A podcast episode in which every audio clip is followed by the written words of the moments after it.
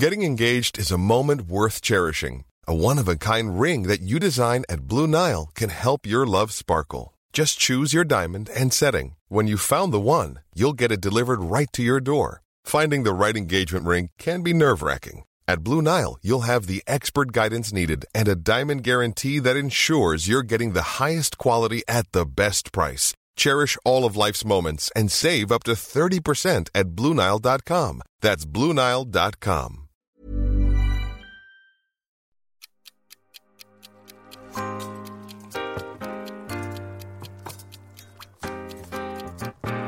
Lunsj, med, lunsj med, lunsj med Lars. lunsj med Lars. Lunsj med, lunsj med Lars. Tallet er 85. Det er nemlig det antall representanter som trengs for å få flertall på Stortinget, som totalt har 169 representanter. Men det er ikke alt med valgordningen som er like lett. Det skal vi bore litt i i dag. Velkommen til Lunsj med Lars, en podkast fra Stavanger Aftenblad om valget i Rogaland og Norge. Mitt navn er Lars Helle, og jeg er redaktør i Aftenbladet. Mitt faste korrektiv er Hilde Øvrebekk, kommentator i Aftenbladet. Og I dag har vi òg med oss Mari Skåra Helgesen, som er doktorgradsstipendiat ved Institutt for sammenlignende politikk ved Universitetet i Bergen. Velkommen begge to. Hilde, 85 stemmer er altså nok for å sikre såkalt parlamentarisk grunnlag i Stortinget. Men teller stemmene til oss som velger like mye? Nei, de gjør egentlig ikke det. Fordi at eh, vi har eh, en eh, ganske lang tradisjon for å ta distriktspolitiske hensyn i fordelingen av mandatene. Sånn at hvis du bor i et område hvor det er større areal f.eks., sånn som i Finnmark, så kan det være at din stemme teller litt mer enn noen som bor på et område med mindre areal. Ja, det at du deler landet opp i 19 valgdistrikter, Mari, kan det òg influere litt på hvor mye hver stemme teller? Ja, absolutt. Um, som eh, Hilde er inne på her, så er det jo uh, ulik hva skal man si, eh, befolkningssammensetning og uh, arealstørrelse i disse 19 valgdistriktene. Og begge deler teller inn da, når man skal fordele mandatene. Eh, men så har vi jo òg utjevningsmandatene nettopp for å utjevne disse forskjellene, sånn at hver stemme skal telle litt mer likt allikevel. Kan du forklare det der med utjevningsmandater litt mer? Ja, det er altså 19 utjevningsmandater av de 169, og da ett per eh, valgdistrikt eller per valgkrets. Og valgdistriktene nå er tilsvarende de gamle fylkene. Ja, de gamle fylkene så å si. Noen små eh, forskjeller pga. noen kommuner som ja, er i andre Har, flyt, har valgkretser. flytta fra det ene til det Ja, men i stor hovedsak de samme gamle 19 fylkene. Um, så utjevningsmandatene fordeles til slutt etter at de 150 distriktsmandatene er delt ut. Og de deles jo ut uh, på bakgrunn av det nasjonale uh, stemmetallet, altså totalen i landet. Og da sånn at uh, partier som har hva skal man si, mista akkurat et mandat i noen av disse fylkene, eller eh, gamle fylkene, noen av distriktene, eh, kan da få eh, utjevningsmandater. For det er et, eksempel i André Skjelstad, som er stortingsrepresentant for Venstre. På tre av de fire siste valgene har han blitt valgt inn fra Nord-Trøndelag, selv om Venstre i Nord-Trøndelag er bitte, bitte lite. Men det har altså å gjøre med at Venstre på landsbasis har kommet dårlig ut. da. Ja, riktig. For det som skjer når man skal regne ut uh, utjevningsmandatene, er jo at man ser på totalen på landsbasis, og så sammenligner man hva det resultatet ville vært hvis Norge var Altså hvis hele landet var én valgkrets. Eh, sammenligner det resultatet med hva vi har fått når det er 19 valgkretser. Og så utjevner man da basert på de som har kommet mest skeivt ut, da. Men for å få utjevningsmandat til det, så er det vel andre ting også som spiller inn her. Det er noe som heter sperregrense. Ja, du må eh, på landsbasis eh, ha over 4% av alle stemmene for, for å kvalifisere til et utjevningsmandat. Du kan f.eks. se på Rødt nå, så har um, ett mandat inne nå fordi at de på landsbasis i forrige valg ikke var over sperregrensen. Mens nå har de ligget sånn jevnt over eh, Jeg tror det bare én måling siden 2018 hvor de har vært under sperregrensen. Det betyr jo at de vil, kan komme til å få eh, enormt mange flere mandater etter dette valget hvis de kommer seg og holder seg over sperregrensen. Det samme gjelder jo for så vidt Miljøpartiet De Grønne, som nå har én på Stortinget, men over 3% totalt sett. Men de kommer ikke over sperregrensen. Så det er ganske mange stemmer bak det ene mandatet. Mm. Men da har jo, i dette tilfellet har jo både Rødt og MDG eh, en, altså et mandat fra Oslo. Eh, så i Oslo fikk de eh, altså nok stemmer, men ikke i de andre kretsene, da. Så Det betyr at du kan komme på Stortinget selv om du ikke klarer sperregrensen. Absolutt. Du kan være på ja, 3 totalt, men så kan du jo i, altså, i teorien ha 16% i en valgkrets. Ja, MDG hadde vel ja, rundt 15 sist lokalvalg i Oslo, så, Ja. så, men det betyr jo ikke at de kommer over sperregrensen på, på landsbasis. Men litt tilbake til dette med areal. og Det betyr det, det er rett og slett et begrep som heter arealfaktor i de norske valgreglene. Mm. hva, hva, hva betyr det? Eh, nei, når man da regner ut eh, disse mandatene, altså de 150 distriktsmandatene, da, eh, hvor de skal være, i hvilke valgkrets de skal være, så tar man to hensyn, og det er da befolkningsstørrelse og areal. Og areal teller mer, for da er det altså, ja, regnestykket som kanskje kan bli litt komplisert, men det er 1,8 versus bare 1 for befolkningsstørrelse. Så areal teller da 1,8 ganger mer enn det befolkninger. Det er mye, mye matte i det, vi kommer litt tilbake til. Jeg skal prøve å ikke bli for uh, nerdete i dette her, men det er ikke så helt enkelt å, å gjennomføre et, et, et valg i, i Norge. Men det, ja. de har jo eh, De har jo òg fått kritikk internasjonalt for at, mm. at vi har det sånn. Eh, og at det ikke Det, det er flere som mener at dette ikke er rettferdig fordeling av mandatene. Hva tenker du om det? Eh, det stemmer jo absolutt, og det er um, ganske særnorsk. Og i hvert fall det å ha så stor faktor, da. F.eks. i Danmark har de òg en viss arealuttelling, men den er mye lavere enn i Norge. Eh, men det er jo flere hensyn her, sant? fordi nå snakker vi jo om hvor proporsjonalt det er. Eh, hvor mange stemmer man får på landsbasis, og hvor mange som faktisk kommer inn. Eh, Men et annet hensyn er jo nettopp ulike former for representasjon, og i dette tilfellet da geografisk representasjon. Og i Norge har det vært historisk tradisjonelt viktig, eh, og det er absolutt et hensyn som mange er eh, veldig for. Da. Og tanken her er jo at avstanden til makten og til sentrum er størst da, fra de nordligste fylkene, og Finnmark, som jo da har hva skal man si, den største overrepresentasjonen med tanke på denne arealfaktoren. Eh, hvor enkelte mener da at det faktisk er viktigere enn at det er ren proporsjonalitet, fordi det er litt andre da, stemmer og hensyn i distriktene enn i sentrum. Hva sier sånne internasjonale valgobservatører til at eh, det er såpass stor forskjell med, på betydningen av, av stemmene her i landet? Nei, det har jo absolutt blitt påpekt, som Hilde sier, og at det eh, kan kalles udemokratisk. Men igjen, da, så er det sånn ja, uenigheter rundt hva som er mest demokratisk, om det er ren proporsjonal eh, representasjon, eller om det er geografisk representasjon. Og eh, litt mer sånn på det generelle nivået så har vi jo i Norge proporsjonal representasjonssystem, altså PR-system, forholdstallsvalg, som skal eh, øke representasjonen òg til minoriteter versus som flertalls, rent flertallsvalg. Så det er jo flere hensyn å ta som òg spiller inn i denne, altså hvor demokratisk ting er, da. Men i lokalvalget for to år siden, da valgte vi elleve fylkesting her i landet. For det var den nye strukturen på fylker. Eh, Sånn at de som bodde i Sveio og de som bodde i Stryn, stemte alle på et fylkesting for Vestland. Nå skal de i Sveio stemme på stortingsrepresentanter fra Hordaland, og de i Stryn stemme på stortingsrepresentanter fra Sogn og Fjordane. Hvorfor har vi ikke fått til dette her med, eh, med tatt inn dette med nye fylker inn i stortingsvalgordningen? Nei, eh, godt spørsmål. Det er jo komplisert. Altså Én grunn er jo rett og slett at noen av de nye fylkene er så store, sånn som Viken, at det vil bli litt problematisk å ha det som én valgkrets, fordi den er på en måte for stor for å håndtere, og med tanke på fordeling av disse uh, mandatene. Men en annen ting er jo at mm, på i stortingsvalg så stemmer vi jo ikke på kandidater, vi stemmer jo på parti eller på liste. Sånn at ja, teknisk sett så vil man jo stemme da på eh, representanter og da eh, kandidater fra Hordaland og ikke Vestland, men man stemmer jo på partiet og på hele listen, og ikke på kandidater, i motsetning til lokalvalget. Ja, Det er jo derfor vi òg kan lage disse her eh, utjevningsmandatene. Eh, Men, men Hilde, tror du det kommer til å fortsette på denne måten med, med 19 fylker og, og 19 valgdistrikt i stortings... Det har jo vært et utvalg eh, som diskuterer eh, ny valglov. Og, og Valglovkommisjonen, tror Ja, jeg. som det heter fint. Ja.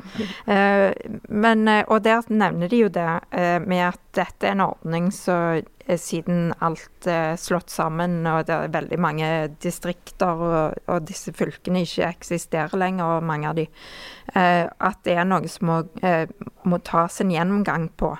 Eh, om vi skal fortsette sånn som det er i dag, eller om det skal endres.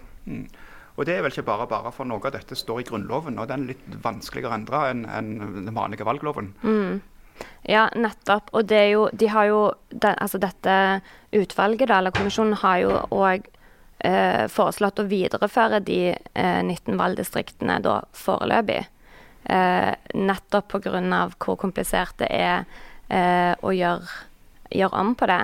Eh, men en annen ting er jo at det er jo fremdeles litt hva skal man si, murringer rundt om det kan potensielt bli noen nye endringer eller tilbakeendringer i den regionformen på sikt. Og da kan det bli litt komplisert å stadig endre disse 19 valgdistriktene, for de har jo vært ganske lenge, da. Det var jammen ikke lett å være i valglovkommisjonen når du hadde en pågående regiondebatt. Nei, det, det, det er jo akkurat sånn som du sier, Mari, at det, det er jo Så lenge ting er i endring, så er det jo vanskelig å endre denne loven fram og tilbake. Det samme inne på denne kommisjonen, så, så diskuter, diskuterte den òg, og har vel lagt fram litt delt innstilling på dette med sperregrensen. For den er vel ikke hogd i stein som at den skal være 4 Nei, de, de foreslår jo i denne kommisjonen å sette den ned. Eh, og så er det enkelte partier som eh, da mener at den bør settes opp, sånn som f.eks. Uh, Frp. Men det, det vil være fordelaktig for de store partiene. Sånn at du vil jo risikere da at mange av de mindre partiene ikke kommer til makt i det hele tatt. Så hvis du vil beholde et sånn et uh, system som vi har nå, hvor du gir adgang til de mindre partiene òg, så, så bør du i alle fall eh, enten beholde den eller sette den ned. Så det er jo den store diskusjonen, da. Hva slags eh, eh, system vil du ha? Så har altså, som du nevner, noen folk i Fremskrittspartiet vært ute og sagt de vil ha den opp, og noen fra Arbeiderpartiet. Hva vil fordelen være med å øke sperregrensen, f.eks. til 5% som har vært nevnt? Altså Generelt når det kommer til dette med sperregrense, så er det jo en evig balansegang mellom eh, representasjon og styringsevne. Og liksom jo høyere den er, jo færre småpartier, eller småpartiene må i hvert fall være minimum 5 da. Eh, og jo lavere den er, jo mer eh, fragmentert blir det, men jo flere den kan komme til. Så ja, hvis den økes, så vil det være eh, i teorien færre partier på Stortinget. Kanskje litt eh, Hva skal man si Litt eh, enklere å vite hvilke partier som får makt, og hvilke ikke. Mindre eh, Altså færre partier i en koalisjonsregjering, f.eks. Men ja, hvis man senker den, så vil eh, per eh, i dag, da, eller hvis denne ville blitt senka til 3% så ville jo eh, MDG og Rødt kunne kommet over den sperregrensen ved forrige stortingsvalg. Nettopp. Og, det, og da ville vi hatt et storting som representerte mer total, totaliteten i folket, men kanskje mindre styringsdyktighet, vil i alle fall Høyre, Frp og Arbeiderpartiet si. Er det sånn å forstå? Ja. Uh, nettopp. Men det betyr jo òg at hvis du hadde hatt en 5% sperregrense, så ville det begunstige de store partiene. Men da kan du vel få flertall i Stortinget uten å ha 50% i folket? Ja. Det har nok skjedd før òg, det, når, når, når vi har hatt uh, Arbeiderparti-regjeringer. Men, uh, men uh, det viser jo at valgordningen ikke, ikke er helt sånn én til én når, når det kommer, kommer til stykket. Men det er andre ting òg som, eh, som påvirker hvordan folk kommer inn. Og det er jo måten du regner ut eh, mandater på. For det at eh, det partiet som får flest stemmer i et valgdistrikt, får flest mandater. sånn. Men hvordan regnes det ut? Åh, Nå, skal ja. vi, nå kan vi fort komme inn i matten her, da, men Altså, det er jo et, ehm, et relativt komplisert system ehm, som kalles eh, Nå er uttalen her på fransk Ja. litt eh, ehm, Kan du hjelpe meg på Sankt Lagy, er det Ja, han skal Sankt? Lagys Ja. metode. em, og så, som er da vanlige proporsjonal representasjonssystemer som vi har i Norge. Uh, og så har man sånne delingstall som man deler på. Og så det, Her òg kan man diskutere mye rundt det. For eksempel så er det sånn at man skal dele på 1,4 for eksempel. Det er sånn det er nå. At Ja, Hvis sånn du får er 10 000 stemmer, så må du dele det på 1,4 Mm. først, før du finner ut om du har nok stemmer. da. Ja, riktig. Og så neste gang så deler man det på tre, og så fem, og så videre. Og så er det diskusjoner rundt det, og i andre land der man kanskje velger å dele det på 1,2 istedenfor 1,4. Så ja, komplisert, vil jeg si. Ja, og Der er det vel òg en diskusjon i valglovkommisjonen om vi skal ha 1,2 eller 1,4. og Det kan vel òg påvirke eh, eller Jo høyere den divisoren er, jo mer tilgodeser det de store partiene av hensyn til styringsdyktighet. Og det antallet utjevningsmandater, det har jo òg blitt endra eh, opp gjennom. Så eh, det at vi har 19 nå, er jo pga. en endring som kom i 2005. Og eh, det, det var tidligere mye færre utjevningsmandater. Så da får du jo den diskusjonen hvis du da skal redusere valgdistriktene, eh, skal du da beholde de 19 utjevningsmandatene i tillegg? Eh, så alt henger jo i sammen med alt her. Jeg tror det var åtte utjevningsmandater før det, og før det igjen, fram til 1980-tallet, så var det ikke utjevningsmandater. Så da var eh, denne her én-til-én-forholdet enda, enda dårligere. Men det er òg en kompliserte ting når det, gjelder, når det gjelder det som skjer med valglovkommisjonen sin innstilling videre. For det, det er mange ting her, og, my og mye av det avgjøres bl.a. av hvordan Stortinget blir seende ut etter, etter, dette, etter dette valget. Eh, så det er Ja, kan jeg bare skyte inn her og si at eh, en annen ting som blir diskutert i, i det, dette um, altså valglovutvalget, eh, eller kommisjonen, er jo da nettopp dette med, altså, med denne arealfaktoren, Ja. og å nedjustere den, sånn at Finnmark og Nordland, som er mest overrepresentert, får litt eh, færre mandater, eh, men fremdeles nok til at det er en viss overrepresentasjon, sånn at de har da den geografiske representasjonen. Og det er jo dette, altså det her 1,8-tallet, som er denne realfaktoren, det var jo noe som ble regna på for å prøve å finne ut hva folk flest klarte å bli enige om. Og det samme med det delingstallet på 1,4. Altså det er mange sånne tall som har eh, veldig mange potensielle andre løsninger enn det det er nå. da. Ehm, som Ja, det kommer nok til å komme endringer, da. Ok, Så både arealfaktoren, sperregrensen, antall valgdistrikter og dette delingstallet, det du deler antall stemmer på i hvert valgdistrikt, spiller inn på hvor representativt Stortinget blir? Er det sånn å forstå? Ja, rett og slett. Ja, det, var, det, det er mange elementer å få med seg, og du skal være ganske dypt inne i både matematikken og, og være ganske sånn valgnært for for å forstå det. Men, eh, men eh, nå er det jo datamaskiner som regner ut dette ganske kjapt eh, for, for, for oss på valgkvelden. Eh, Men, eh, men eh, hva blir skjebnen videre nå for, eh, for eh, disse forslagene? Nei, nå eh, må de jo på høring. Og når det kommer til disse potensielle grunnlovsendringene, så innebærer jo det at det må gjennom to forskjellige storting. Så da må det bli behandla eh, før og etter et valg for å kunne bli vedtatt. Så vi snakker jo eh, teknisk sett tidligst før neste valg i 2025. men Det spørs hva de rekker nå. Ja, og da må de ta stilling til, til forskjellige grunnlovsforslag som allerede ligger inne. En ting som ikke står i Grunnloven, kom jeg på nå, det er jo eh, fordelingen mellom, mellom valgdistriktene. Og det har vel vært flytta på et par representanter før dette valget, tror jeg. Noen av dere som husker det? altså Rett og slett ut fra at folketallet forandrer seg. Jeg tror at Nordland og Møre og Romsdal har mista noen til, til, til andre valgdistrikt. Men eh, Ja, de regner jo dette på ny hvert eh, åttende år, så da før annethvert stortingsvalg.